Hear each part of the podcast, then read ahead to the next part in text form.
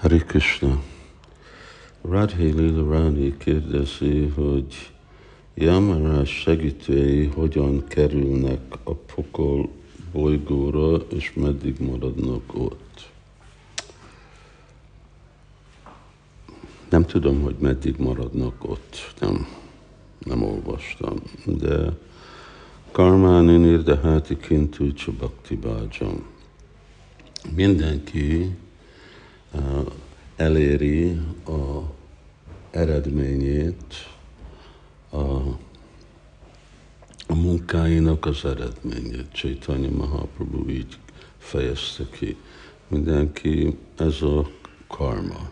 Karma jelenti, hogy a, a jelen helyzet az a, képviseli a, a én múlt tettemet, és hogy mi az, amit én érdemeltem. Ez a kettő dolog az én, az én jó tetteimmel, ahogy idéztem, de ugyanakkor a, a rosszal is.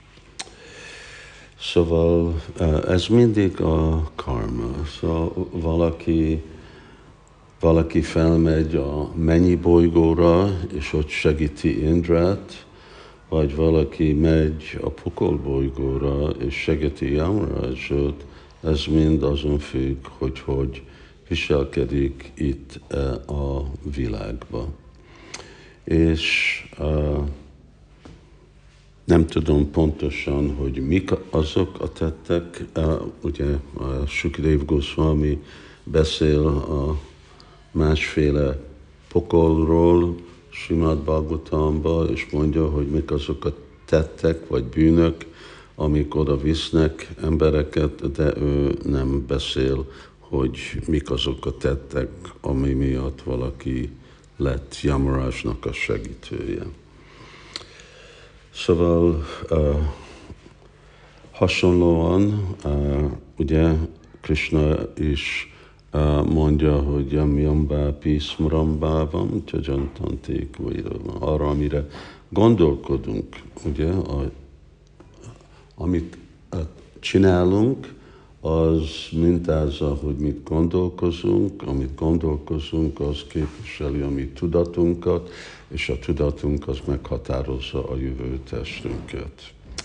Uh, ugyanúgy Narottam Dastakor mondta, hogy Gyugala Charana Sévi Nirantara Ébhávi Anurage Takiva Sadoy Sadane Bhaviva Jaha Siddhadeha Pavataha Rága Patira Ésa Upaj.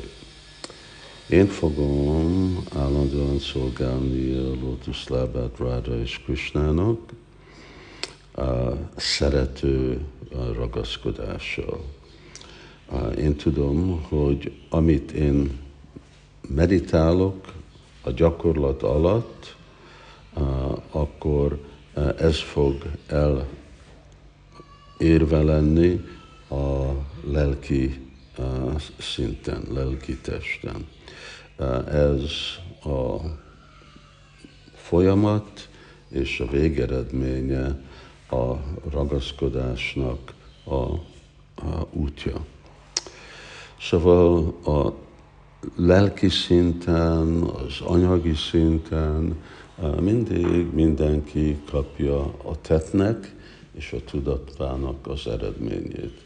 És azért ez a Krishna tudatos mozdalom, ha tudatos vagy Krishnára egész életedre, akkor a következő élet Krishnával leszel. Hari Krishna.